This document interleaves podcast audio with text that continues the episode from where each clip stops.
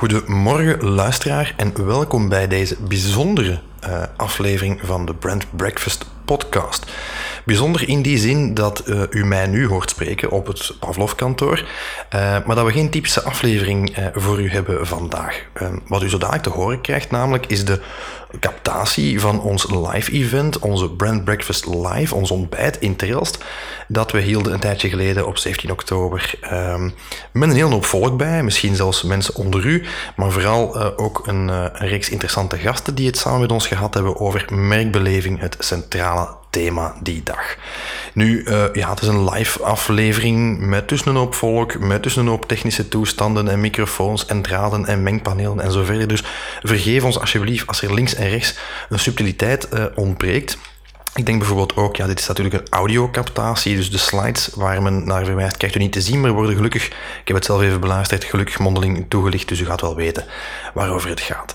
In elk geval geniet ervan. We beginnen met het, uh, het eerste segmentje van die ochtend en dat is onze collega Sophie Blomé, die het uh, heeft algemeen gesproken dan over het belang van merkbeleving voor uw merk. Welkom bij Brand Breakfast, de Nederlandstalige podcast over merken en marketing. Geniet van deze aflevering vol tips en tricks om ook uw merk te verbeteren.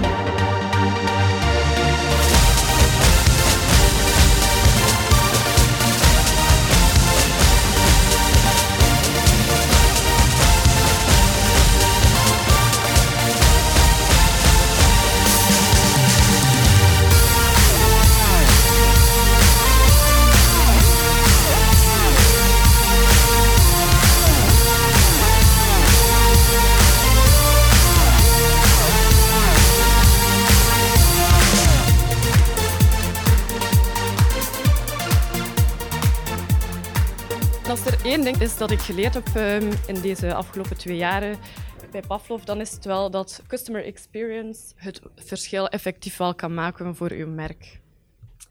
En eigenlijk zijn we bij Pavlov niet de enige die daar zo over denken. Want we zien vandaag dat er steeds meer en meer merken ook steeds meer gaan inspelen op die customer experience. Want maar liefst 9 van de 10 ondernemingen vandaag concurreert hoofdzakelijk op basis van customer experience. En dat is een goed teken, want dat betekent eigenlijk dat die uh, merken, dat die kleine, grote bedrijven het doorhebben dat ze vandaag niet meer puur op prijs of puur op kwaliteit kunnen concurreren om het verschil te kunnen maken, om in tijden van harde concurrentie en in tijden van digitalisering het verschil te maken ten opzichte van concurrentie. En daarbovenop, maar liefst 80% van die ondernemingen vindt dat ze ook uitstekende experiences aanbieden. Ze luisteren naar de klant en ze proberen die noden volledig in te vullen. Um, en dat doen ze niet alleen om zich te onderscheiden van die concurrentie, maar dat doen ze eigenlijk ook vooral voor hun klant. Want de klant is maar een klant die komt en die gaat, maar een loyale klant die komt terug. Die voelt zich verbonden met uw merk, die spreekt over uw merk, die spreekt met familie, met vrienden, zelfs met uh, minder bekende personen in hun leven. En die brand loyalty is dus essentieel bij customer experience. En dat wil natuurlijk elk merk, dat een klant terugkomt met een tevredenheid. Maar wat nog meer is, die loyale klant die zorgt ervoor dat die, die komt eigenlijk vijf keer sneller uh, bij u langs om een heraankoop te doen. Maar die gaat ook vier keer sneller uw merk gaan aanprijzen bij anderen. En vier keer, dat is echt wel veel. Verder gaat hij ook zeven keer sneller aanbiedingen uittesten of nieuwe producten van u, nieuwe services. En die zal ook vijf keer meer bereid zijn om uw merk te vergeven als hij een fout maakt. Maar toch, aan elk verhaal is er wel een maar. En hoewel 80% van de merken zegt ja, wij bieden een fantastische experience, onze consument is tevreden, is niet helemaal waar. Want slechts 8% van de consument vindt dat ze een uitstekende experience krijgen van de merken die zij consumeren. 8% maar, dat is heel erg weinig. Het is een heel erg contrast met de merken die vinden dat ze wel een goede experience aanbieden. En we zien het ook aan cijfers, want 74% van de consumenten zou van merk veranderen als ze het aankoopproces te moeilijk vinden. En ik was nu op weg van Gent naar hier en ik was aan het luisteren naar de radio en er was een vrouw aan het woord en ze zei, ja, ik was uh, gisteren nog in de supermarkt. En ik moest zo lang wachten en het frustreerde mij. En toen was het bijna aan mij. Ik was bijna aan de balie. En plots ging kassa 2 open. En dan heb ik zo lang gewacht voor niets, want eindelijk kon die kassa 2 al veel langer open. Kon ik veel langer naar huis. Slimme merken zoals Colruyt spelen daar dan ook op in, door bijvoorbeeld een collect and go aan te bieden. Je bestelt alles online, 1, 2, 3 klik, en je gaat gewoon naar de Colruyt en je neemt je producten mee. En simpel is het. Wat mij ook heel erg verbaast, is dat maar liefst 9 van de 10 consumenten zijn slechte ervaringen deelt. En ik moet toegeven, ik ben één van die negen mensen. Want zo was ik uh, vorig jaar nog op reis in Amerika. En ik dacht, wauw, fantastisch, voor de allereerste keer naar Amerika. San Francisco, LA. Ik zag het helemaal zitten, maar ik had natuurlijk ook wel een beetje onderzoek gedaan. En Amerika is heel erg duur. En ook ziektekosten zijn heel erg duur. Dus ik besliste, ja, ik neem toch maar een ziekteverzekering. Stel je voor dat ik van de Grand Canyon val of je weet maar nooit. Of een, ja, een been breek. En uiteindelijk ben ik heel blij dat ik die ziekteverzekering had genomen. Want ik ben niet één keer ziek geworden, ik ben twee keer ziek geworden. De eerste keer had ik een allergische reactie. Ik zat vol vlekken, ik had overal bobbels. En de tweede keer heb ik zelfs een nierbekkenontsteking opgedaan. Veel te weinig water gedronken. Maar ik was heel erg blij, want het heeft mij heel wat geld gekost. Maar ik was blij, want ik ga naar mijn verzekering. Ik zeg, kijk, ik heb dit en dit meegemaakt en kan ik mijn geld terugkrijgen. Na heel veel, na heel veel heen en weer gemail uh, zijn we nu een jaar later en wacht ik nog steeds op mijn geld. En als ik dan nadenk met hoeveel mensen ik die slechte ervaring heb gedeeld, dan kan ik het niet meer op twee handen tellen al. Dus je ziet maar, slechte ervaringen bij een consument doet veel. Wat mij ook verbaast, is dat chatbots vandaag het echt wel slecht doen als het op vlak van oplossen van problemen na aankoop komt. Slechts 20% heeft vertrouwen in de chatbots. En we denken vandaag, ja, digitalisering, chatbots, het is normaal. We chatten dagelijks met heel wat merken als we problemen hebben. Maar nee, uit onderzoek blijkt zelfs dat de overige 80% veel liever met een waar persoon gaat communiceren als die een probleem heeft. Want daarmee wil ik dus eindelijk het belang van human-to-human uiten. Menselijke connecties, dat blijft nog steeds belangrijk in uh, dagen van branding en in tegenwoordige tijd. En dan een volgend cijfer, websites. Ze zijn er overal. Elk, merk heeft een website, maar er bestaan eigenlijk ook heel veel slechte websites. Uh, maar liefst 88 procent van de consument zegt dan ook: ja, als ik een slechte ervaring heb, ja, dan keer ik niet meer terug naar die website. Ga ik wel ergens waar ik veel makkelijker mijn informatie vind. En uit het voorjaar, uh, nu in 2019, hadden wij ook een klant die in de recreatieve sector zit. En die hebben we ook moeten adviseren: doe iets met je website. Want informatie basisinformatie als tijd, prijs, uh, locatie was veel te moeilijk te vinden. Consumenten moesten doorklikken, doorklikken, doorklikken om die informatie dan uiteindelijk te vinden. Terwijl dat eigenlijk in twee à drie kliks zou moeten kunnen. En als laatste cijfer, maar liefst de helft van de consumenten wil van merk wisselen wanneer ze er niet op hun noden wordt geanticipeerd. Elke consument is anders. Elke consument heeft zijn eigen noden, heeft zijn eigen problemen, heeft zijn eigen moeilijkheden. En elke persoon wil dat dat opgelost geraakt. Maar dus de helft van de consumenten vindt dat niet bij merken vandaag. Een voorbeeldje is Thomas Cook. Hè. Die heeft recent nog alle krantenkoppen gehaald. Die heeft de boeken moeten toedoen vanwege de grote schulden. En gedeeltelijk kunnen we dat zoeken bij de mismatch met de noden van de consument. Want Thomas Cook was heel erg succesvol in de jaren 70 en 80 met de pakketreizen. Alles is geregeld, je stapt het vliegtuig op en daar ga je een beetje later ben je in Spanje of in Italië, lig je met een cocktail onder een palmboom en ben je aan het genieten. Maar de consument verandert, dat is een feit. En zeker in de recreatieve sector, in de toeristische sector, by the way. Um, dus de consument verandert. Een consument zegt, ja, ik ga niet meer langs bij een um, reisagentschap, want ik kan zelf gewoon online puur mijn reis boeken, ik kan het zelf organiseren. Ik wil ook niet op één plaats blijven met een cocktail. Ik wil avontuur, ik wil verschillende steden bezoeken, want ik ben daar dan toch. Dus ik wil rondtrekken. En het probleem was dat Thomas Cook niet op die noden inging en stevast bleef vasthangen aan die pakketreizen. Maar dan zie je, de consument haakt af en zoekt de concurrentie op. En dan gebeurt dit. Een ander voorbeeldje is Blogger. Blogger heeft ook een heel moeilijke tijd gehad. En zoals CEO van de Belux zegt, for 30 years we forgot we had clients at all. Ook Blogger was heel erg bezig met marges.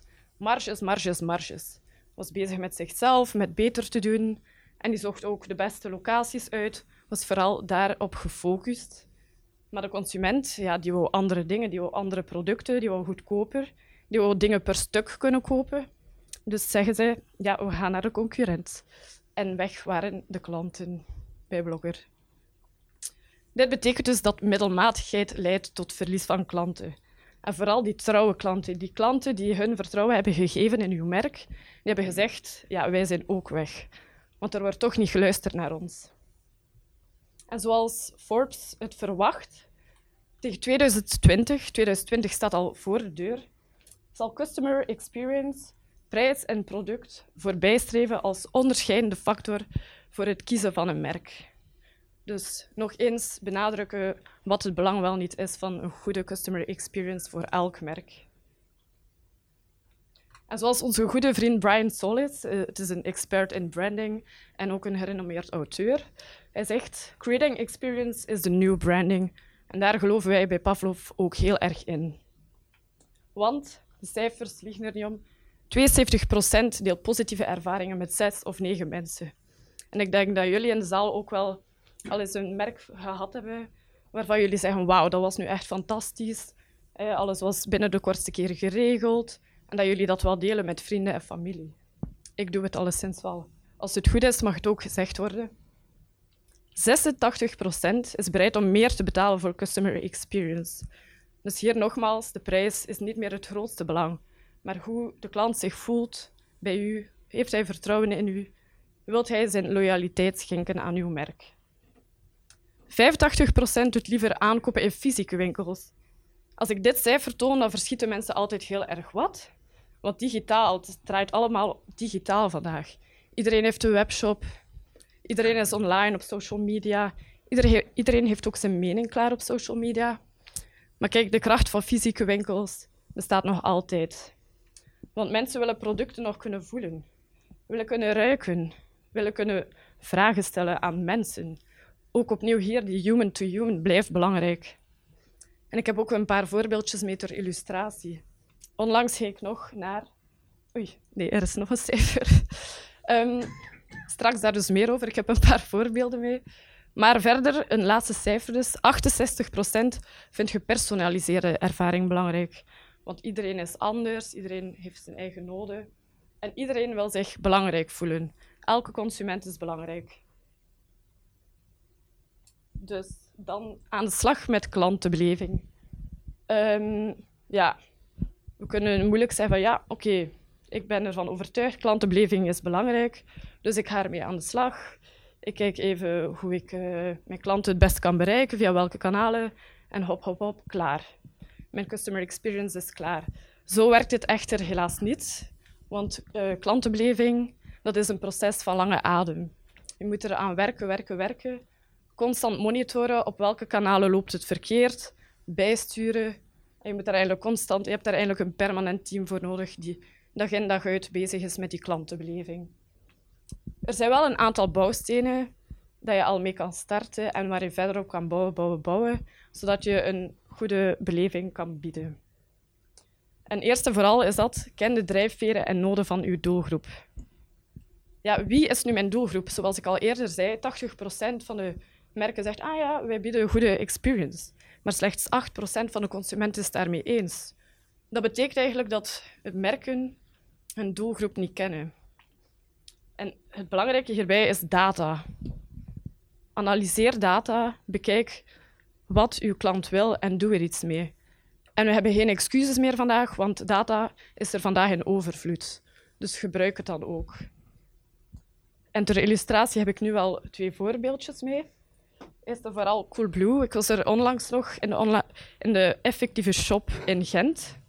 Dus eigenlijk, het was oorspronkelijk een e-tailer, maar Coolblue had begrepen dat persoonlijke service en fysieke aankopen dat dat belangrijk was voor die klant. En bij Coolblue hè, lazen ze reacties. Ja, we willen producten kunnen voelen, we willen persoonlijke vragen kunnen stellen. We hebben ook specifieke vragen die we liefst aan een expert bij Coolblue vragen. Dus Coolblue heeft daar heel slim op ingespeeld en heeft een aantal goede winkels uh, geplaatst, al sinds 2003. In Rotterdam was dat de allereerste. Dus, en nu ondertussen zitten ze ook al in België met uh, echte fysieke winkels.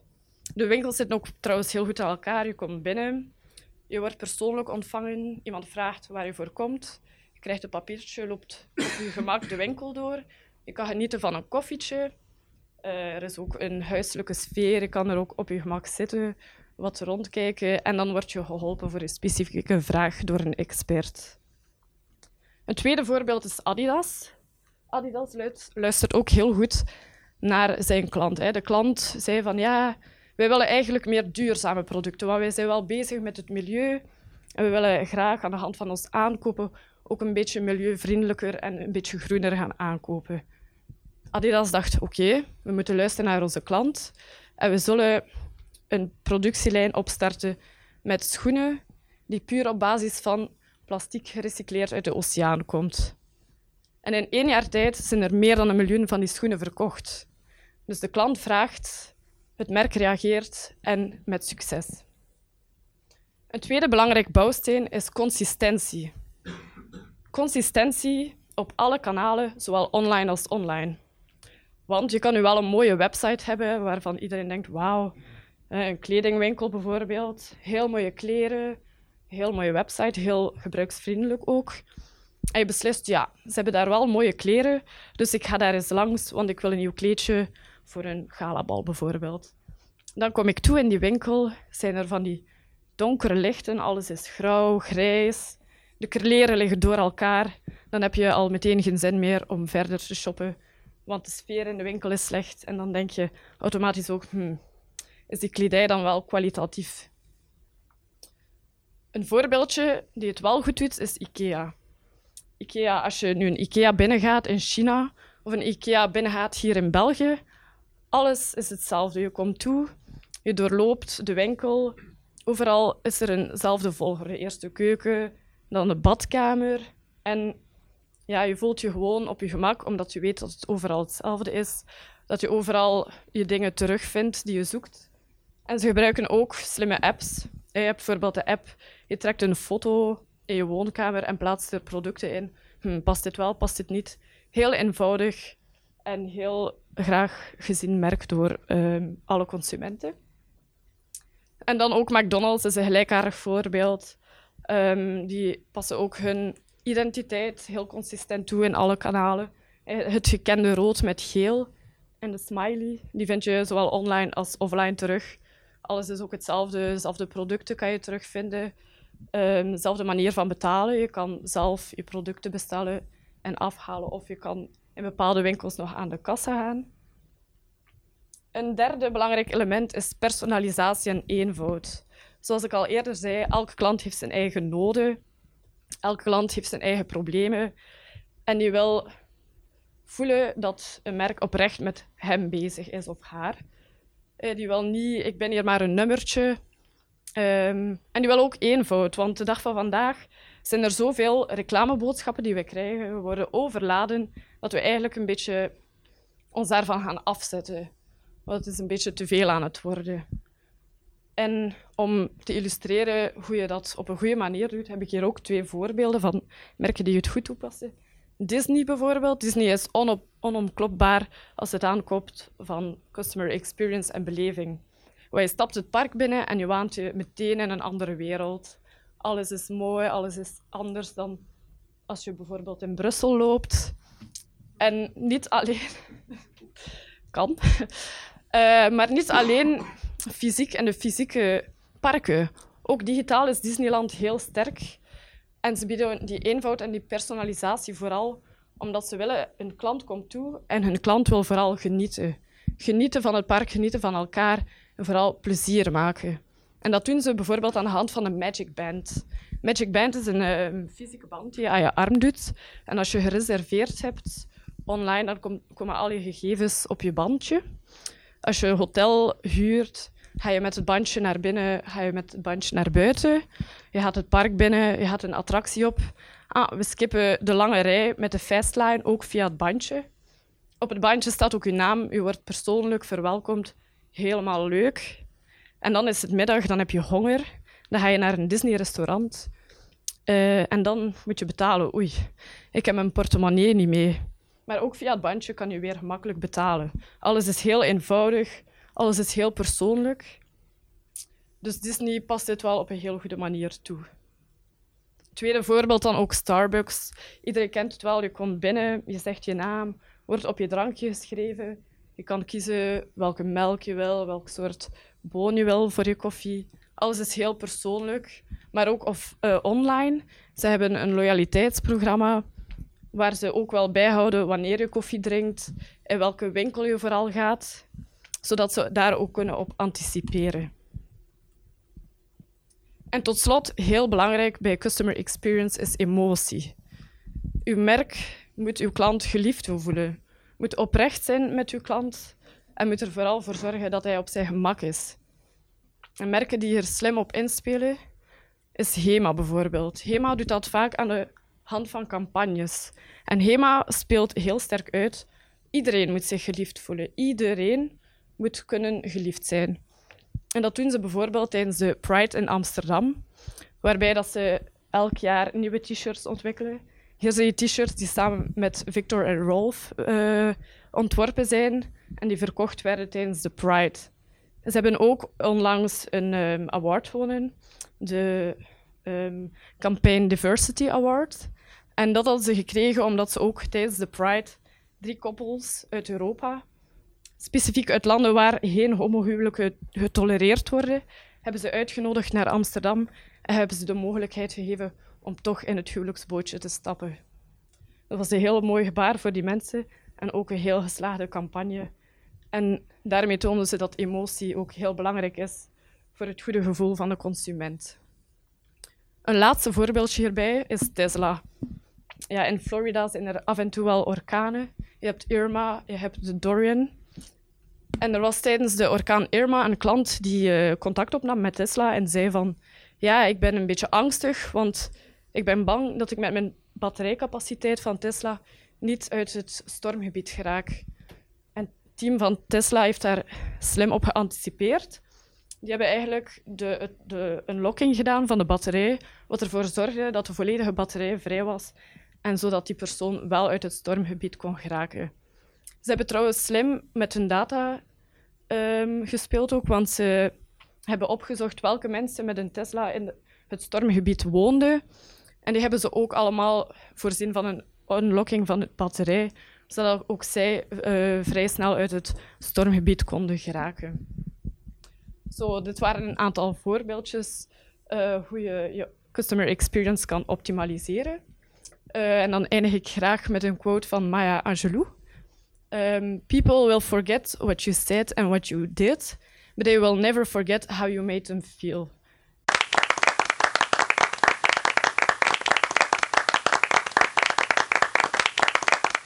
Voilà, Sophie gaf dus een, een, een, interessante inleiding voor ons publiek. Uh, heeft eigenlijk de, de, de stage gezet om daar dan praktisch mee aan de slag te gaan. En ze werd onmiddellijk gevolgd door uh, een zeer trouwe Pavlov-klant.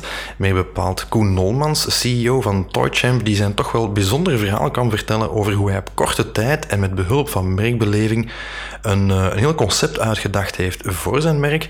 En hoe dat ja zeer succesvol is gebleken in de praktijk. Laat u vooral inspireren door Koen Nolmans van Toychamp.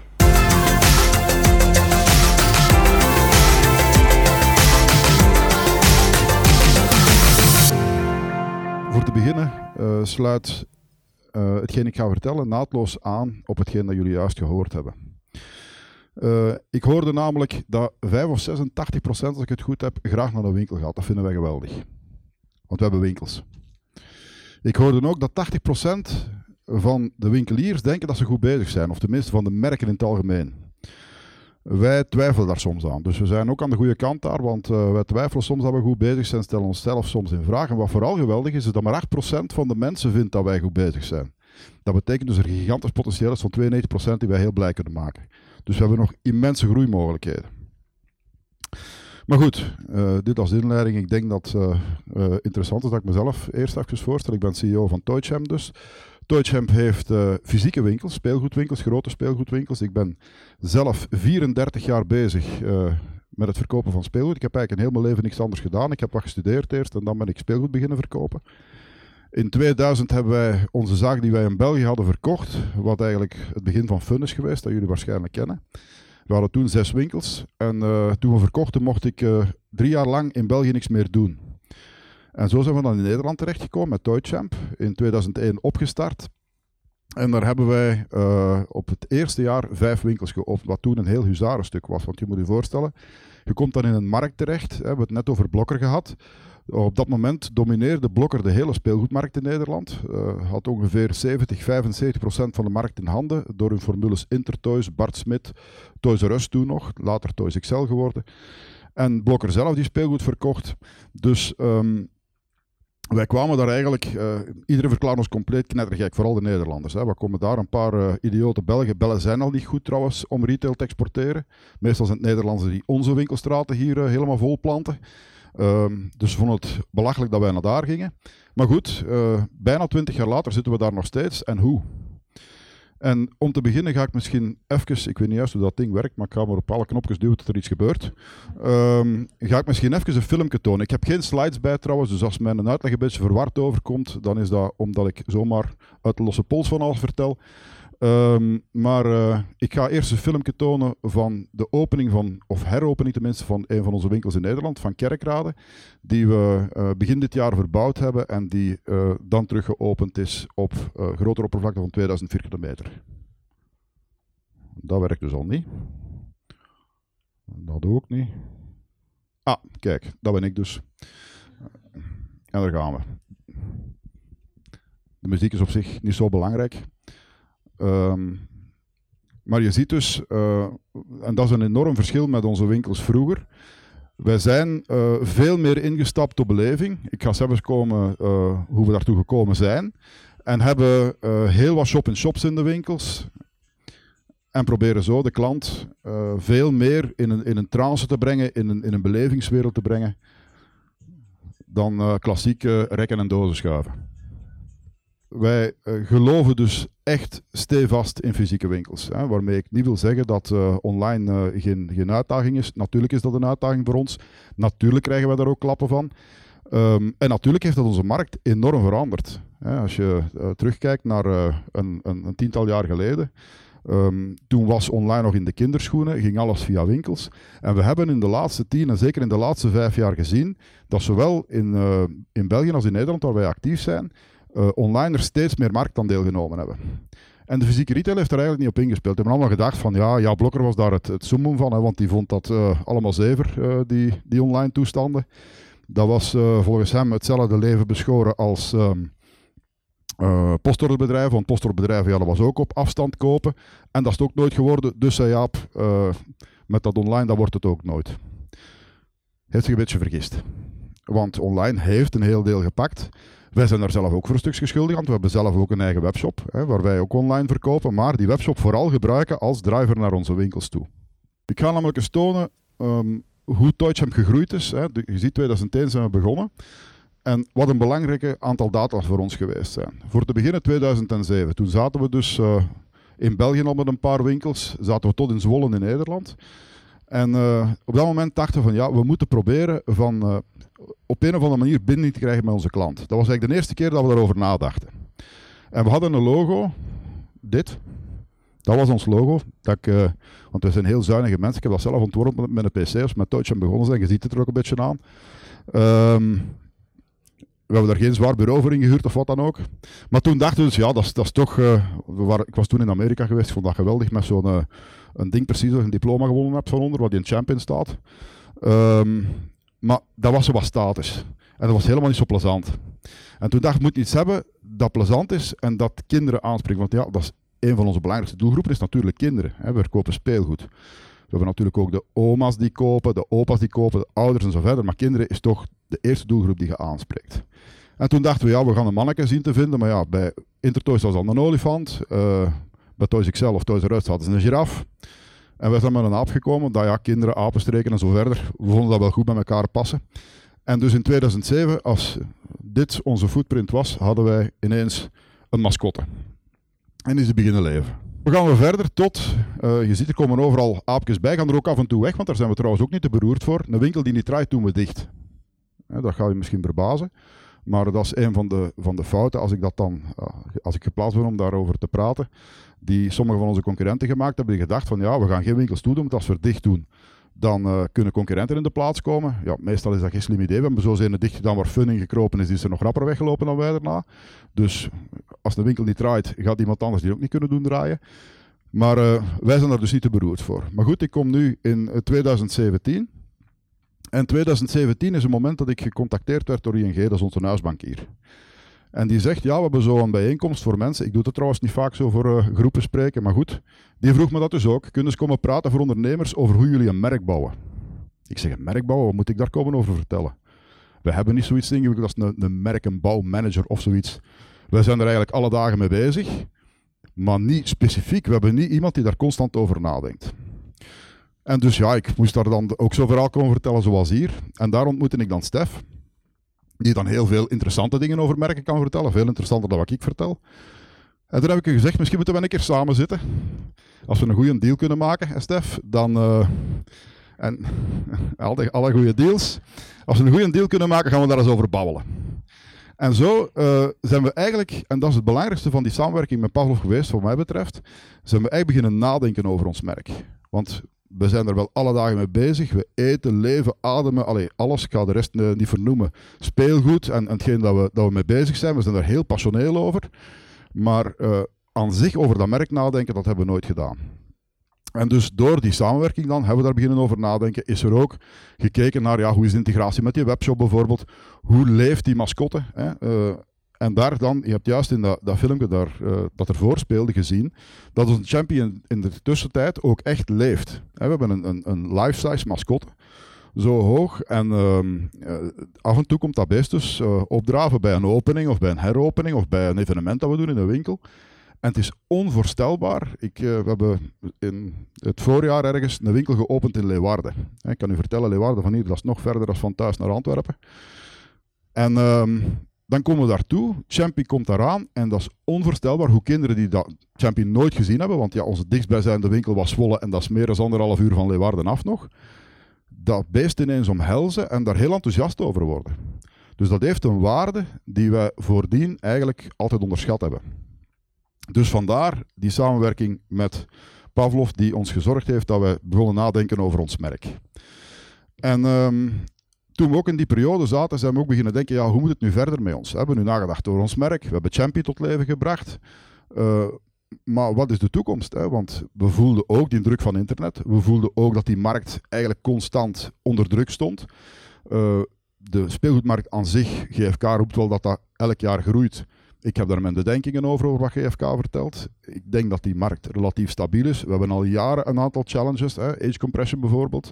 Als ik jong was, als 12 jaar, ging ik nog graag naar een speelgoedwinkel. Als je nu als 12 jaar naar een speelgoedwinkel gaat, dan zijn je klaar voor in een instituut te gaan denken sommigen. Hè? Dus de, de kinderen zijn veel minder lang kind, zijn ook met veel andere dingen bezig, met smartphones en dat soort dingen, en niet met speelgoed. Dus die markt staat sowieso onder druk.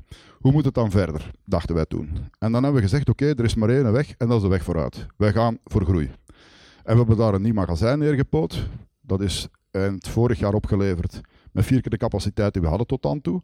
Nieuwe kantoren gezet, een nieuwe website begonnen. Trouwens ook een, een heel Calvari-tocht geweest. Ik heb daar net met iemand uit het publiek hier nog over gehad. Uh, als je overschakelt van één webshop naar een andere toe, Google heeft daar heel veel moeilijkheden mee. Gelukkig kan ik zeggen dat de laatste twee maanden we terug een enorm positieve trend zien. Dus ook daar zijn we terug aan het oppikken. Maar we namen dus de vlucht vooruit. En net op dat moment dat we die vlucht vooruit nemen, is precies de wereld instort. Van 2017 is het jaar dat de moeilijkheden zich aankondigden bij Toys R Us. Wat altijd ons grote voorbeeld was. Hè. Als ik ooit begon met speelgoed, was het ja, de Amerikanen, dat is fantastisch. Hè. Grote speelgoedwinkels, beleving van hier tot Tokio. En die komt in moeilijkheden. En dan begin 18, het onvoorstelbare gebeurt, Toys R Us gaat failliet. 850 megastores van onze size in de VS alleen. Maar ook alle andere landen kwamen in moeilijkheden. Ook alle Europese landen waar Toys R Us, zo, in Engeland, in Duitsland, in ehm, Frankrijk, in Iberia, altijd heel, heel sterk stond. Alles valt om.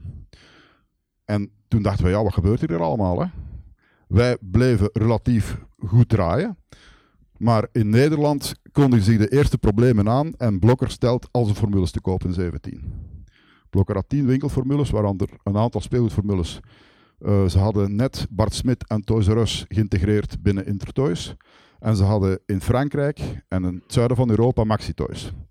100% in eigendom. En alles staat te koop ineens.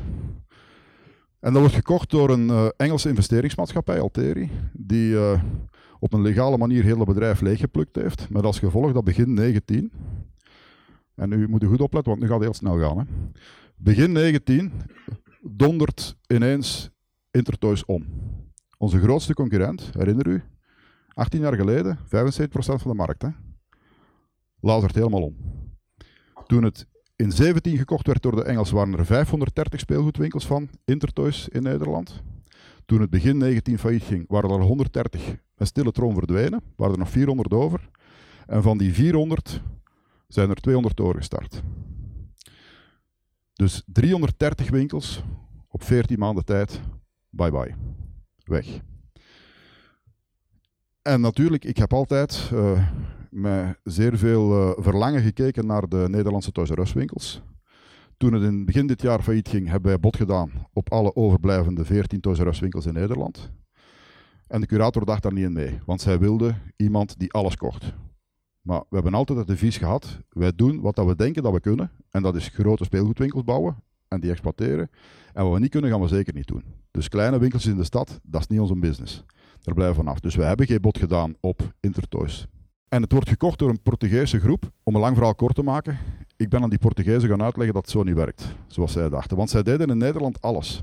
En je kunt niet alles. Je kunt niet en goed zijn in kleine winkeltjes van 200 meter en goed zijn in perifere retail van 2300, 2500 meter. Ik zeg, kijk, misschien kunnen we elkaar helpen. Wij willen die grote en jij wilt geld verdienen. Als ik nu eens een beetje geld geef voor die grote en je kunt je dan focussen op de kleine winkels, misschien dat dan er iets mogelijk is.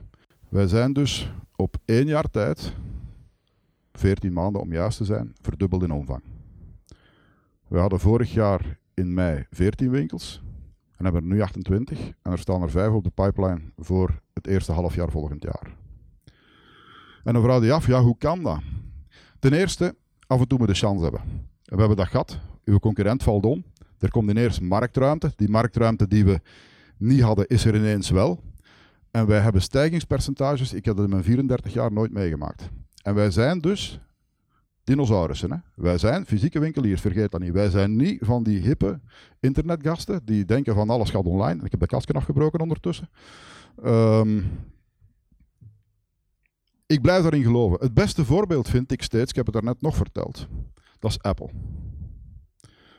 Apple is een bedrijf dat eigenlijk maar vier producten verkoopt en heel veel blabla verkoopt. Het is het duurste product qua telefonie dat er bestaat. En qua technologie kunnen we aan twijfelen. Het is fantastisch goed gedaan, want eens dat je in dat iOS zit, dan is het moeilijk om eruit te komen. Het is toch verdomd gemakkelijk op een of andere manier. Dus naar Android gaan, dat is niet zo evident. Maar goed, het zijn eigenlijk maar vier producten. Je moet mij zeggen waar ter wereld een Apple Store staat die je absoluut niet nodig hebt. Want het is niet goedkoper. Je moet er eigenlijk niks van weten. Want ja, er, wat er nu te kennen aan een gsm. En je kunt ermee bellen, kunt er op het internet naar kijken. En je hebt er een met zoveel geheugen, zoveel geheugen, nog een beetje meer. En dat is het eigenlijk. En toch, waar ter wereld dat een Apple Store zit, zit dat spel vol met mensen. Leg het mij eens uit. Wel, dat is experience. Dat is beleving. En dat is hetgeen dat wij proberen te brengen. Het mooie daaraan is dat eens dat je uh, aan je merk bouwt, en zeker in een sector waar wij zitten, waar speelgoed verkocht wordt, speelgoed is eigenlijk alleen maar emotie. Er is niks rationeel aan speelgoed kopen. Want als dat rationeel zou zijn, ik heb altijd gezegd, ik leef van de irrationaliteit. Ik leef van de emotie van andere mensen. En dat is maar goed ook. Eens dat je met die uh, emotie bezig bent en eens dat je die mogelijkheden krijgt die wij nu hebben door die groei die wij gemaakt hebben, als je dit ding nu ziet, dan is het zo dat merken elkaar beginnen versterken. Want wij zijn nu een speelgoedmerk. Aan zich verkopen wij quasi geen producten die van ons merk zijn. Wij verkopen merken van anderen. Wij verkopen Lego en Playmobil en Mattel en Hasbro en zo verder. En lolballen, wat tegenwoordig heel in is. Ehm, maar wij verkopen eigenlijk geen Toychamp. En toch maakt dat een onderscheid. Want alleen het Fritkot verkoopt nog geen speelgoed. Al de rest wel. Zelfs Action verkoopt speelgoed. Zelfs uh, bouwmarkten verkopen speelgoed en zo verder. Waarom zouden ze dan bij ons komen? Wel, dat is dat verschil dat wij proberen te bouwen.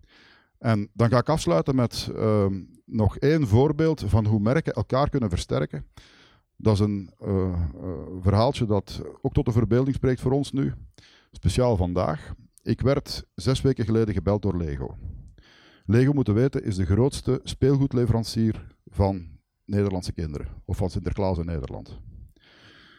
Lego heeft ongeveer een marktaandeel van 1 op 6. Dus 1 op 6 speelgoed-euro's in Nederland uitgegeven is Lego. En Lego belt mij op en zegt: Ja, je weet dat wij in uh, Nederland of in de Benelux elk jaar een evenement organiseren. Dat heet Lego World. En dat is eigenlijk het grootste Lego-evenement ter wereld. Dat zijn drie hallen, lekker in de IJssel, maar dan in de jaarbeurs in Utrecht, die afgehuurd worden. 40.000 vierkante meter ongeveer waar allemaal Lego-elementen eh, uh, opgebouwd staan. Gigantische grote ruimteschepen van Star Wars, uh, Porsches en, zo verder. Dus allemaal life-size modellen. Waar 40.000 kinderen komen op één week tijd. Lego World begint vandaag. En dat is jaar na jaar gegroeid. Dat is nu denk ik de vijftiende editie. En Lego belt mij op en zegt, kijk, we hebben een probleem.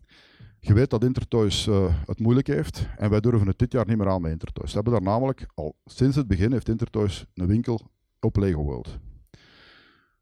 En ik hoorde ze al afkomen. Ik zeg, je gaat toch niet verwachten van ons dat wij dat gaan doen? We hebben pas een groeisprong gemaakt van je welste. Onze organisatie is daar niet op afgestemd. Hè? Ja, en toch, we gaan er alles aan doen om u te helpen. Maar we hebben maar één kandidaat die dat kan doen, dat zijn jullie. Want jullie kunnen die beleving daar brengen die nodig is. En we hebben dat kunstje geflikt. We gaan vandaag open op Lego World met 1100 vierkante meter Lego. Er zijn tien opliggers rechtstreeks uit de fabriek gekomen om daar te verkopen. En we gaan op één week tijd vier keer de jaaromzet van onze beste Lego-winkel verkopen. Voilà, hiermee uh, eindig ik mijn toespraak. Ik hoop dat ik jullie uh, iets kunnen bijbrengen over ons verhaal. En uh, dat jullie daarmee toch een klein beetje geïnspireerd zijn. Dat zelfs als je dinosaurus bent in het vak, dat het toch nog altijd kan. Bedankt.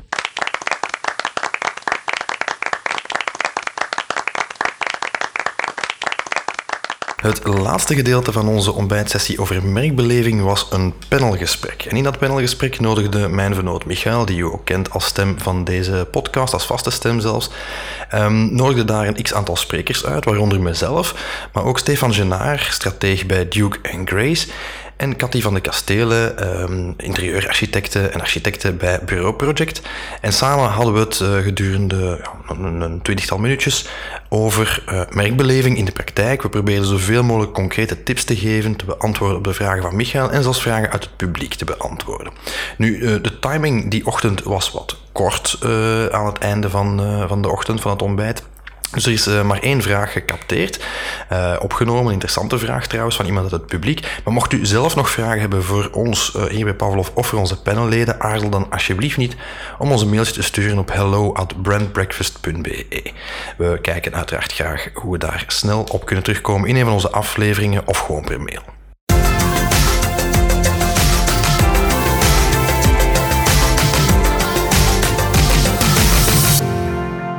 Moet zien dat ik alles goed vast heb, want ik heb hier een micro en een bakje en, uh, en eigen kaartjes vast. Ja, ja ik zelf ik ben uh, de moderator en managing partner van Pavlov, maar uh, ik ga mezelf nu niet te lang voorstellen, denk ik. ik zou graag vooral de tour de table willen doen hier vooraan voor de sprekers die hier aanwezig zijn. Ik ga eens kijken wie dat er als eerste op de slide staat. En dat is Stefan, dat is perfect, want uh, zit ook het verste van mij af. Uh, nu Stefan, jij bent, uh, als ik me niet vergis, al een heel aantal jaren in het agency-leven mee betrokken. Dat klopt, dat klopt. Dat klopt. hè. je hebt eerst een tijdje in Londen gewoond en gewerkt voor ja. Proximity. Klopt. En sinds een jaar of vijf ben je actief bij Duke Grace, hoewel ik dat pas eigenlijk recent mag zeggen, want het is een rebranding van het agentschap Wijs, hè, dat recent een rebrand heeft gehad naar Duke Grace. Klopt. waar je jij nu de rol van Head of Strategy vervult. Klopt, klopt. dat klopt. Nu, ik begrijp goed, uh, Stefan, als ik kijk naar jouw cv, je hebt eigenlijk vooral je achtergrond in het digitale, als ik me niet vergis. Nu, we hebben vandaag al een en ander gehoord over digital. Hè. Je hebt daar wellicht ook jouw, jouw mening over. Inderdaad, inderdaad. Nu, zeer, uh, zeer, uh, iedereen is zeer sceptisch tegenover digitaal. Voilà, mooie, zeer mooie sceptisch tegenover digitaal. Ja. Um, dus ik wil van ja, misschien eerst al een inleidende vraag stellen. Ja. Um, als je dit zo hoort, ja, er wordt wel gesproken over consistentie. Mm -hmm. Je moet ervoor zorgen dat de merkbeleving consistent wordt doorgetrokken in mm -hmm. verschillende touchpoints. Hoe zorg je ervoor dat je dat online met dat offline matcht? Ja, uh, eerst en vooral heel blij dat uh, alle definities hier of uh, invullingen van merk en branding niet nogal. Normaal gezien, als je dat in die context hoort, of merk of branding, dan wordt dat nogal heel beknopt bekeken als in het vernislaagje dat bovenop je organisatie ja, ligt. Een logo. Exact. make the logo bigger en die ja, uitspraken. Ja. dus ik ben al heel blij dat het niet die richting is, want ik dacht eerst van, oh ja, wat gaat dat zijn? maar zeker als je zo voorbeelden hoort uit de retailsector, wat je eigenlijk niet hoort is niet het klassieke branding outside-in, of het inside-out perspectief, maar je hoort echt die, uh, ja, die customer centraal zitten. En um, dat is in essentie ook wat je mee, want digitaal klinkt dan alsof wij altijd starten vanuit het digitale of technologie, uh, maar wij starten ook bij ons binnen altijd vanuit die klant centraal. Dus mm -hmm. je mag dat ook heel letterlijk nemen. Elk traject begint bij ons met het maken van ettelijke customer journeys die los van het kanaal, dat doet er voor ons niet toe. En dan gaan wij kijken wat dat wij daar kunnen bouwen. Uiteraard, onze preferred way of working is digitaal, omdat we daar het snelste en het meest kunnen schakelen, bijvoorbeeld. Zeker op schaal. Voor grote organisaties kan je vaak veel dingen sneller doen digitaal dan dat je ze fysiek kan doen. Als je niet de grote manpower hebt om uh, tien vrachtwagens naar, uh, naar Utrecht te sturen, of, uh, dat, dan, dan is het makkelijker bij wijze van spreken om dat digitaal te doen. maar dat is echt het, het, het belangrijke, is eigenlijk dat je het vanuit die klant bekijkt en je eigen touchpoints daaronder geschikt aan maakt. Dat is, voor, dat is in eerste instantie het belangrijkste. Ja. Oké. En heel belangrijk, want we hebben nu een voorbeeld gezien van, van een winkelpunt bijvoorbeeld. Als jullie daar dan een digitale touchpoint aan toevoegen, ja.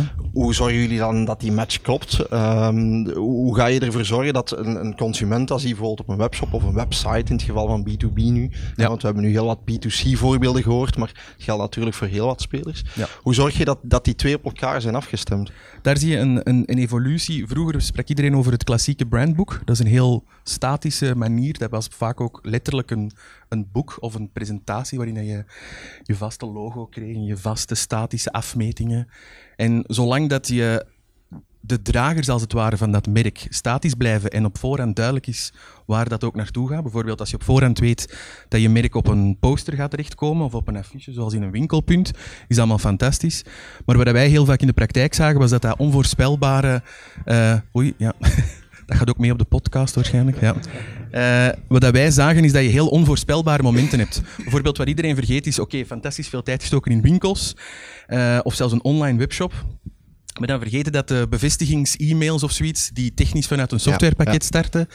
Ah ja, ja, ja, ja, dat zat in dat pakket en we hebben dat vergeten. Dus vandaar, uh, maar dus het antwoord op de vraag is um, de evolutie naar uh, design systems. Ik weet niet of dat iedereen dat, dat is een technische term dan. Wat dat eigenlijk wil zeggen is dat je van het statische een samenhang van componenten en elementen begint te maken die digitaal in alle omstandigheden kunnen. Dat is eh, bijna, het ziet er hetzelfde op het eerste zicht uit als een brandboek, maar het is veel flexibeler. Het gaat meer over kleuren. Het is bijvoorbeeld een responsive logo. Wat wil dat zeggen? Om het voorbeeld van uh, Toy Champs te gebruiken. Uh, uw logo, daar juist in de presentatie zag je dat links onderaan verschijnen, maar de tagline daaronder is niet leesbaar als je dat kleiner maakt. Een responsive logo zal bijvoorbeeld nadenken over, als we minder ruimte hebben, dan halen we dat zinnetje er bijvoorbeeld af. En dan de sterretjes misschien eraf. En dan uh, de naam. En dan het laatste dat overblijft is misschien het aapje. Dat is dan de beslissing die je maakt. Uh, of de mascotte. Of net de toys bijvoorbeeld.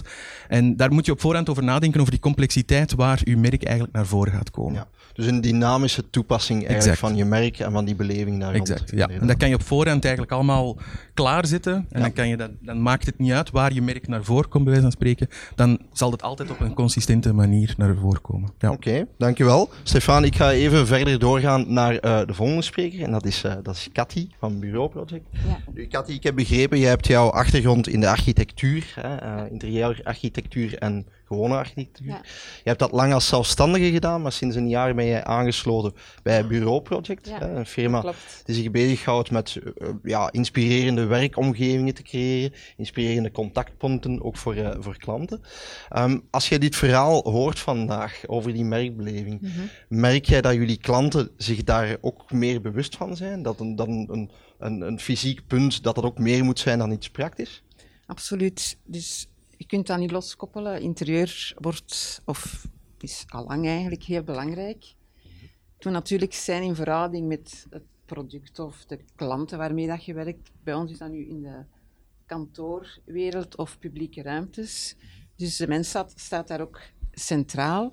En, eh, maar het interieur gaat echt bijdragen hoe dat de klanten of de mensen zich daarin voelen. Je kunt dat niet loskoppelen soms wordt dat nog een beetje ja, denigrerend, niet, maar echt is daar niet zoveel belang aan. maar als u ja, acht uur per dag in een ruimte doorbrengt, of als je spreekt over retail, als mensen in een ruimte komen, is het heel belangrijk dat eh, bijvoorbeeld voor winkels het product, ehm, het interieur eigenlijk de drager wordt van het product Ja. en dat dat een mooi ja. geheel kan vormen. Ja, of even goed in een kantoor als je Ja, klanten ja, ontvangt, dat je daar de absoluut, juiste je- perceptie wekt. Ja, ja, ja, ja. ja. En als ik aan jou vraag, Cathy, hoe, hoe kan je zo'n gevoel opwekken? Hè? Want ik neem aan, natuurlijk in kleurgebruik zitten bepaalde zaken, en in de keuzes van, van materialen wellicht ook. Eh, Moderner of klassieker geeft al een, een bepaald eh, Ja. licht. Zijn er nog zaken dat je zegt van oké, dat zijn zaken waar we echt op letten om een bepaald merk in een interieur te gaan vertalen? Uh, het, is, het is belangrijk dat je ook probeert een, een, een bepaalde dynamiek in het interieur te krijgen. Dat niet statisch is, dat niet enkele meubelen zijn en wat kleurtjes, maar dat, er een, een, een, dat de, de klant of uh, de mensen dat er moeten in werken, functioneren, ook um, zelf daar ook nog creatief kunnen in zijn. Dus dat niet statisch wordt, maar dat ze naar gelang de taak dat ze doen, zich ook kunnen gaan verplaatsen. En niet, bijvoorbeeld in de kantoorwereld, hoeft dat niet acht uur aan een bureau te zitten. Ja. Is naar gelang Ja. de taken dat er uitgevoerd worden, of dat kan ook in een winkel zijn, dat je eigenlijk uh, die dynamiek vinden wij, wel, vinden wij wel heel belangrijk. Dat dat niet allemaal zo statisch en afgeleid is en dat er ook ja, verschillende sferen, zonder dat het chaotisch wordt, maar het, dat zeker geen, geen clean gebeuren Ja, ja wordt. dat het wel karakter heeft Ja, en op ja, die manier absoluut. toch een, eh, een zekere identiteit ja. Oké, dankjewel Cathy. Ik ga even over naar de derde spreker. Ik ga nog snel mijn slide eh, wisselen. Het is altijd vreemd als ik mijn eigen vernoot moet, eh, moet voorstellen. Zo is iets anders dan op kantoor. ja. Maar in de podcast doen we dat eigenlijk ook. Ja. We hebben ook eh, gesprekken samen. Dus Stef is inderdaad al een twintigtal jaar actief in het vak van branding. Heeft dat lang met een, een, een, in een consultant rol gedaan en met zijn bedrijf Twisted Image Building. Sinds een jaar of vier heeft hij ook het bedrijf Pavlov Branding, waar hij managing partner is samen met ikzelf. Uh, en hij is ook uh, auteur uh, van een aantal boeken rond personal branding en career branding. Nu, Stef, mijn eerste vraag aan jou. Hè. Je bent natuurlijk net zoals ik merkstrateeg, je hebt ook de achtergrond van merken met jou mee. Nu, ik hoor Sofie er net zeggen in de, de eerste presentatie, slechts 8% van de consumenten of van de klanten vindt dat de customer experience echt is wat het moet zijn. Hoe verklaar je dat? Hoe komt dat daar zo'n discrepantie in is? Hoe komt dat merken denken dat zij sterk scoren en dat klanten dat niet vinden? Ik denk dat het aan, aan twee zaken ligt. Enerzijds, um, dat is een cijfer om stijl van achterover te vallen natuurlijk. Hè. Ik denk dat ons dat als merken wel wat zorgen mag baren. Ja, hè. ja. Allee, ik hoop dat toch voor de merken in de zaal dat ons dat wat zorgen baart. Um, uh, dat heeft een stuk te maken met het feit dat die consument daar anders naar kijkt, of de klant. Hè. Ik ga het uh, breder trekken in B2B ook. Uh, ik denk dat vroeger inderdaad, een blokker voorbeeld, en Koen heeft het ook aangehaald, is daar, is daar een goed voorbeeld van. Mensen wilden convenience, hè. dat moest vooral snel gaan, niet te veel Ja. gedoe, Ja. lekker goedkoop, kwaliteitsproduct kopen of een kwaliteitsdienstverlening afnemen, klaar. Maar het aanbod is zodanig groot geworden en, en uh, met, zeker met online is er zoveel nieuwe mogelijkheden die je vroeger niet had, 20, 30 jaar geleden. Uh, dat die consument ook meer gaat verwachten voor zijn geld, of die klant. Hè. Dat is één aspect. Van de andere kant, ja, dat is dan de klassieke vraag, hoe komt dan dat merken daar zo weinig op inspelen? Ja, dat is een van de kruistochten die ik als keynote speaker ook uh, voer doorheen Vlaanderen en, en zelfs in het buitenland. Van de merken uit te leggen van hou op met altijd zo organisatiecentrisch te denken. Dat is op zich niks mis mee, maar ik vind dat veel bedrijven of uh, organisaties vaak in een organisatiecentrische kramp schieten. Dus ze, ze, beginnen met het idee van de klant staat centraal en ze willen dat ook oprecht waarmaken tot er dan een probleem opduikt of tot er een verandering is. En dan is het heel snel om terug te stappen in de oude recepten van, ach ja, maar ja, vroeger deden we dat zo. Of, of, of ja, je hebt wat conflicterende agenda's en die met de luidste stem in de directiekamer, die krijgt dan zijn goesting. En dat is dan vaak een oplossing die ja, gemakkelijk is voor het bedrijf, maar weinig empathisch is uh, uh, met de klant. Hè.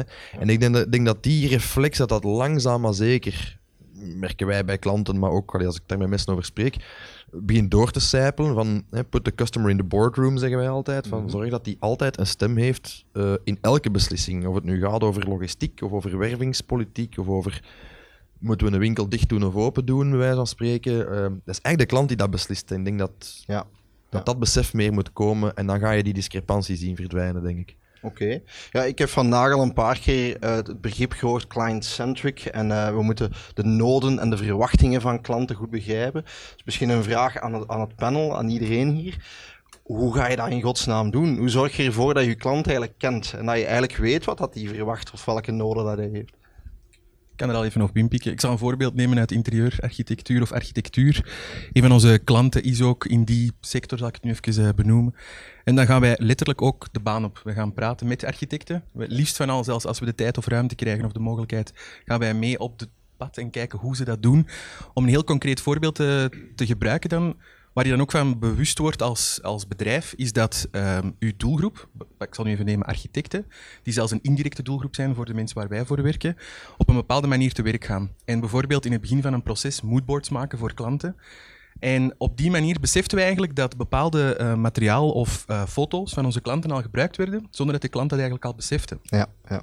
Dus er werd bepaalde interieur, ik zal nu zeggen uh, kurk of zoiets, of, of aan de buitenkant gevelmaterialen al getoond aan klanten, zonder dat onze klant wist dat het al gebeurde. Wat je dan moet meenemen is, en dat is dan eigenlijk het grote impact van digitaal, zijn die non-branded searches, letterlijk en figuurlijk in Google of in andere platformen, waar al naar of in uw richting gedacht wordt, zonder al bij u als bedrijf te zijn. Ja, dus op basis van conversatie of zoekgedrag kan je een stuk gaan meten. En dan kan je eigenlijk al die foto's, en dan kan je al kleine subtiele details, als je dan echt wilt en je wilt in stroomopwaarts werken, bij wijze van spreken, mhm. eh, in de richting van uh, vroeger betrokken te zijn, dan kan je er al subtiele accenten in zetten, omdat je toch eigenlijk al weet, zijn kleine dingen, hè, zorg dat je foto's niet te groot zijn online. Dat die in afbeelding bestanden, dat is niet alleen interessant voor je eigen platform, technisch gezien, dat dat niet te lang moet laden, maar ook gewoon dat je dat weet, dat dat gemakkelijk gebruikt kan worden, of misschien zelfs net grotere afbeeldingen. Als architecten dat willen gebruiken, uh, dat ze dat ook op die manier kunnen downloaden. En daar kan je kleine accentjes van je merk, als je dan echt puur tactisch uh, identiteit aan het nadenken bent, kan je dat er zelfs in meenemen en dan wordt dat misschien zelfs ook al getoond aan klanten. Ja. Oké.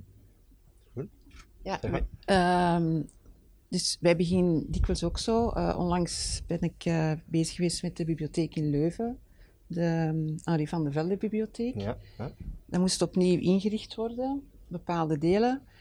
Um, in plaats van gewoon achter de computer te beginnen of te beginnen te tekenen, want je hebt wel een programma dat je moet invullen, dus in C kun je daar aan beginnen. Maar dan heb je geen voeling, zeker niet met de ruimte. Ik ken die ruimte wel, maar dus ben ik daar ook eigenlijk een hele dag gaan werken. Gaan observeren. En gewoon ook uh, gaan zien, een bibliotheek uh, komen heel veel ja, soorten, mhm. types van mensen, soorten mensen, aller, allee, allerhande leeftijden. Dus dat was, heel belangrijk om te zien hoe die daar ook in functioneren. Ja. Ja. En bijvoorbeeld de ouderen kwamen de krant lezen, dus moest ik ook zien dat die een, een comfortabele ja, konden zitten. En die hebben andere noden dan uh, ehm, 18-jarigen of studenten dat daar komen studeren. Ja. Dus daar begint eigenlijk je ontwerp bij. Dus niet mee lijnen op papier te zetten. Dat is een gevolg. Okay. Omdat uh, in het begin draait het niet om het interieur, maar om de mensen. Ja. ja dus het sociale, allee, eigenlijk de impact van de mensen op de ruimte terug die human interaction daarin. Absoluut. Oké. Okay. Um, misschien belangrijk, want ik heb vandaag al heel wat voorbeelden horen passeren van jullie, maar ook van, van, van Koen en van Sophie. Nu, we spreken over het algemeen vaak over grotere merken. Ehm, wat kan je aanraden aan KMO's? Hoe kunnen zij aan hun merkbeleving werken? Zonder daar ontel veel, ontelbaar veel geld tegenaan te gooien. Wat zijn kleine acties die zij kunnen doen om ervoor te zorgen dat hun merk authentiek vertaald wordt naar hun beleving? Ik denk dat je misschien naadloos kunt inpikken op uw vorige vraag. Hè. Uh, uh, de grote bedrijven die een grote afzetmarkt hebben of een, een grote doelgroep hebben, die zijn heel vaak heel erg afhankelijk van data en aan big data en daar analyses uittrekken. Maar inderdaad, ik, ik, ik hoor bij mijn collega's exact de visie die wij ook hebben. Hè, van je moet dat zelf voelen, je moet dat zelf zien. En dat heet dan small data volgens Martin Lindstrom. Ik ben met uh, Sofie enkele weken geleden bij een een kleinere klant van ons een hele dag in de wachtkamer gaan zitten. Om te kijken hoe, hoe, bewegen mensen, wat doen die, welke vragen stellen die. Ja, je kunt dat saai vinden, maar dat is veel interessanter dan ergens een studie kopen of, of uitvoeren, waar mensen toch sociaal wenselijk op antwoorden en dergelijke meer, omdat je daar het gedrag observeert in de natuurlijke habitat van die klant, om het zo te stellen. En ik denk als KMO is dat vaak veel makkelijker om te doen dan als groot bedrijf. Omdat je als groot bedrijf niet anders kan dan inderdaad honderden datapunten zoeken. Terwijl er de, de, de, de, de legende van Weilen Ingvar Kamprad, hè, de IKEA-case is al gepasseerd, die uh, tot een paar weken voor zijn dood geregeld een paar uur aan de kassa van een woonwarenhuis ging zitten om te kijken waar praten mensen over, welke gerief leggen die op de band, hebben die een IKEA-family kaartje, zo nee, waarom niet? Allee, je kunt u inbeelden, wat, wat, interesseert die man dan nog? Hè? Die is op pensioen, maar die rapporteerde effectief wel door naar die directie. Maar ja, hou rekening mee dat die evolutie zo is en dat die in die emoties leven. Dat is, dat is het idee van small data dan? Dat is het idee van small data. dat op een kleinschalige manier ga je eigenlijk een aantal zaken testen. En, en uh, er wordt gezegd van luisteren naar uw klanten. Dat is niet gemakkelijk natuurlijk. Hè. Je kunt af en toe eens een tevredenheidssurvey doen, mm -hmm. maar je kunt ook gewoon allee, uh, be your own client. Hè. Uh, KLM bijvoorbeeld is daar een goed voorbeeld van. Die, die zeggen dan medewerkers, ja, als je vliegt met, met je eigen maatschappij, met je werkgever, met je gezin bijvoorbeeld om op vakantie te gaan, kon ik dan niet aan dat je, dat je werkt bij ons. Hè. Uh, doe je voor als een gewone reiziger en doorloopt die customer journey nu eens gewoon als, zoals onze doorsnee klant dat zou doen. Ja. Uh, dat is vaak heel waardevol, omdat je dan ja, uh, ja, authentiek de beleving meemaakt, zoals een ja. andere klant ook zou meemaken. Beetje aanvullend daarop is ook um, Google Yourself bijvoorbeeld eens een okay, keer. Ja, ja. Maar niet als in niet naar branded toe, maar bijvoorbeeld zoek eens het adres op van je eigen. Want vaak steek je dan heel veel tijd en ruimte in um, foto's en zo. En dan is dat heel mooi en een gigantisch mooi interieur. Ja. En dan zoek je jezelf op Google en dan heb je dat niet aangepast. Ik ken dat trouwens in een Google Business. En dan heb je dat niet aangepast en dan staat er oftewel nog een oude foto op of een klant die zelf een interieurfoto van een of andere slecht belichte... Een oude Nokia van oh, wow. Ja, zo'n wazig ding. En dan begint het al op een rare manier of niet duidelijk uitgelegd. Um, dus je kan dat zelf ook wel doen. Je hoeft niet altijd op de baan te gaan of toch niet dagenlang. Maar zet jezelf inderdaad in die, uh, in die positie. Okay. Je kan kleine surveys online doen. Je kan, weet ook niet, keyword researches. Google kan je zelf ook doen in je AdWords, uh, Ad Planner dan zeggen mensen letterlijk jou naar wat ze eigenlijk op zoek zijn. Ja, hoe ze bij je um, terechtkomen. Kijk, dat is een zoekwoordenonderzoek. Dus ze ja. zeggen letterlijk, ik wil dit hebben. En dan kan jij nadenken, oké, okay, is dat iets dat ik ook kan aanbieden? Right. Uh, zo van die kleine dingetjes kan je zeker uh, toepassen. Uh, misschien nog wat verder. We hebben er straks gesproken over de human interaction. Kat die zei er net ook van, je moet kijken naar wat het gedrag van de mensen is met een merk. Nu, als ik aan merken denk, de eerste mensen waar ik eigenlijk aan denk die betrokken zijn met een merk, zijn de vertegenwoordigers van een merk. Hè. Daar heb ik dan over medewerkers. In het geval van Koen bijvoorbeeld zijn winkelmedewerkers uh, die achter de kassa zitten of rekken vullen. Um, wat kan je doen als merk om hen aan te sturen die juiste merkbeleving te brengen? Want dus ik neem aan dat dat ook heel belangrijk is. Hè. Ik kan zeggen, je bent heel klantengericht, maar als je een medewerker hebt die een slechte dag heeft en de telefoon opneemt en... Uh, en slechtgezind antwoord, ja, dan valt die merkbeleving in elkaar. Dus wat zijn, wat zijn zaken die je daaraan kan, uh, kan opleggen, of wat zijn zaken die je daar kan doen om dat te structureren? Een stuk in werving al, hè? Ik denk ja. dat dat al stap 1 is, is dat je, als je je eigen DNA als merk kent, daaruit een, een, zogenaamde employee value proposition ontwikkeld, hè, zoals het dan in HR heet uh, tegenwoordig. Uh, dat je kijkt dat er een match is tussen de waarde van de mensen die je aantrekt, enerzijds, en de waarde die je wilt uitstralen naar buiten. Dus dat is stap 1. Natuurlijk, een slechte dag kun je nooit uh, vermijden, maar ik denk dat onboarding daar ook belangrijk is en continu blijven rond merk bepaalde dingen doen met uw, uw medewerkers. En dat is een, een gigantische uitdaging, ook als uw bedrijf groeit natuurlijk. Dat is makkelijker voor een KMO als Pavlov met een x aantal mensen Uh, ik denk als je zoals Koen een reeks winkels hebt om ervoor te zorgen dat iedereen uh, dezelfde Toychamp vibe uitstraalt, dat is uh, een behoorlijke uitdaging natuurlijk. Hè. Dat is een kwestie van opleiding en de juiste mensen proberen aan te trekken, denk ik. Oké. Okay. Goed, ik ben een beetje aan het kijken naar de tijd. Ik wou eigenlijk graag toch nog eens even in het publiek kijken. Ik heb ruimte voor een tweetal vragen. Zijn er mensen die graag een vraag stellen aan ons panel? En het wordt stil in de zaal. Hè. Niks dat je per se wilt weten of eens wilt testen hier. Kan natuurlijk ook nog altijd uh, straks aan de bar. Ja, zeg maar. Wat ik hier vandaag hoor is eigenlijk teruggaan naar de services van de mensen vroeger in de winkels. Dus uh, ik kom uit de KMO-wereld van jaren terug. En eigenlijk wat ik vandaag hoor is als we mijn ouders voor stonden. Um, ben blij te horen dat mensen terug willen betalen voor service, want zij komen uit de tijd wanneer dat ze service wouden betalen en vandaag niet meer en dan weer nu terug wel. Dus dat is fijn om te zien. Maar um, wat ik me dan afvraag is, hoe ver ga je in je klant faciliteren? Want klanten kunnen ook wel te veel vragen. Dat is een keigoeie en een kei moeilijke vraag natuurlijk. Hè. Um, ik was vorig jaar op een congres en daar zei iemand uh, van Marriott Hotels. Die zei: Laat u inspireren door uw klanten, maar laat u niet leiden door uw klanten. En ik vind dat op zich wel een zeer goede uh, stelregel. Hè. Uh, het, het, het eeuwenoude adagium van klant is koning, ik weet dat niet. Ik weet niet of klant altijd koning is. En een klant weet ook niet altijd wat hij wilt. Ehm, ja, ik, uh, ik vind dat heel moeilijk. Ik denk inderdaad dat, dat dat een beetje de stelregel moet zijn. Van laat u leiden door tendensen maar niet door anekdotes. Want dat is het gevaar, hè, dat je uh, negen tevreden klanten hebt en je hebt er één kwaaie bij. En dat je daar als ondernemer of als marketeer van wakker ligt, of als customer success manager. Het is goed dat je dat meeneemt en dat je dat tracht te valideren. Van, is dat een uitzonderlijk geval?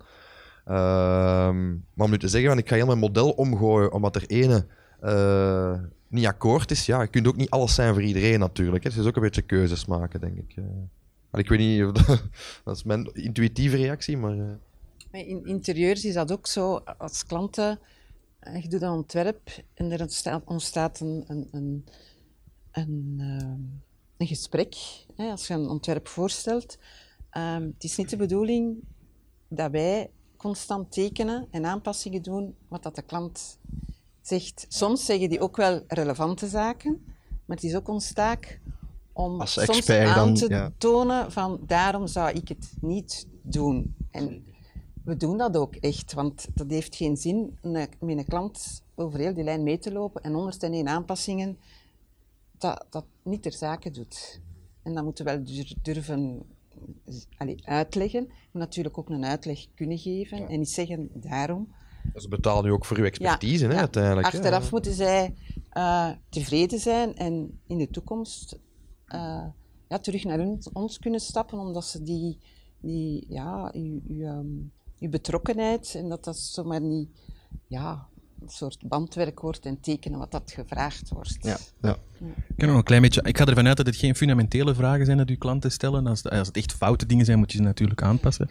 Um, um, wat dat wij ook wel, en dat is dan daar vandaar dat ik het voorbeeld zag van digitaal daar, wat dat wij ook wel zien, is dat we de, en dat bedoel ik ook met schaal, wij kunnen perfect aan verschillende doelgroepen, verschillende, ik ga het nu ervaringen noemen, dat kan tegelijkertijd leven. Dus wij kunnen perfect aan een B2B doelgroep bijvoorbeeld dingen laten zien en aan een B2C doelgroep gecentraliseerd eigenlijk vanuit één platform. En die klanten gaan in hun beleving niet weten dat die andere belevingen ook bestaan. En dat is, maar dat is niet voor KMO, want dat, dat, vergt al wel wat aanpassingen.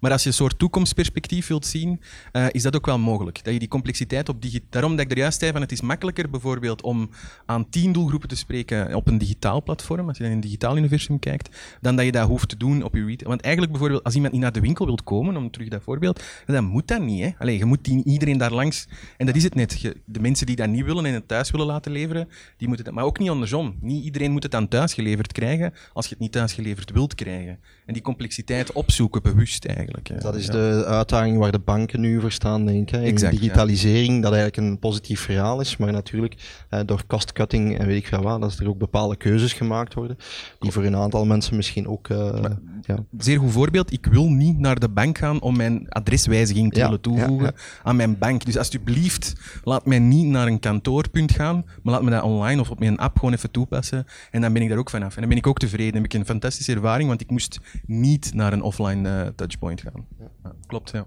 Oké, heel duidelijk. Ik stel voor, gezien de timing, dat wij hier afronden. Eh, ik wil ook onze, of mijn eh, drie te gast panelleden bedanken, Stefan, Stef en Cathy, om mee deel te nemen. Rest mij nog één laatste iets mee te geven.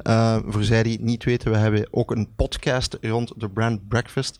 Eh, voor zij die nog niet geabonneerd zijn, elke maand verlenen wij daar eh, eh, gratis eigenlijk wat, wat inzichten en interviewen wij een hele reeks gasten rond merkbeleving, rond marketing, rond media. Dus moest je daar nog niet naar luisteren of nog niet geabonneerd zijn, altijd welkom om daar op te subscriben. Ik denk trouwens, Micha, dat we hier twee potentiële gasten hebben om nog eens uitgebreider en dieper in te gaan op bepaalde dingen. Want timing is natuurlijk kort, maar valt nog zoveel te bespreken met eh, onze, onze twee gasten. Dus, eh. Rest mij ook jullie te bedanken om aanwezig te zijn. Eh, ik wens jullie nog een zeer fijne werkdag toe en hopelijk zien we elkaar eh, gauw nog eens terug. Dankjewel. merci.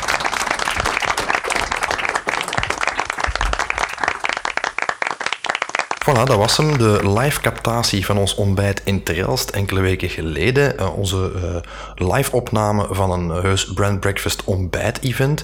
Ehm, nu, ik hoor u zeggen van, Stef, jammer, ik heb dat gemist. Of dat was zo ver van bij mij. Of ja, ik kon net niet die dag. En ik, ik, ik was dus helaas niet in de mogelijkheid om het bij te wonen. Wanneer doen jullie nog eens eentje? Wel, die vraag hebben we verschillende keren gekregen. Goed nieuws ook. We hebben dit in het verleden al een paar keer gedaan. En ook in de toekomst gaan we zeker en vast Brand Breakfast live events doen, ontbijten doen. Misschien doen we wel eens een brand eh, after work, wie zal het zeggen. Eh, inspireer ons vooral met ideetjes daaromtrent. In elk geval, wanhoop niet als u deze live hebt moeten missen. We gaan het zeker en vast nog opnieuw doen. En de trouwe luisteraars die zich abonneren op deze podcast zullen vast en zeker als eerste op de hoogte blijven met een save the date en met een concreet concept.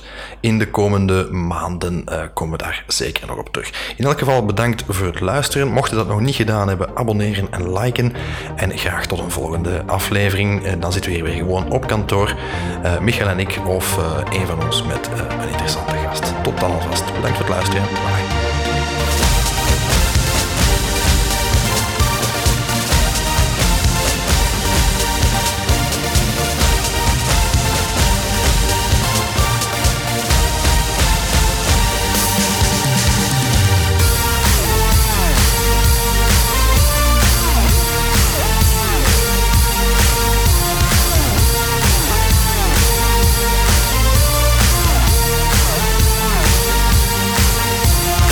Dit was Brand Breakfast voor deze aflevering.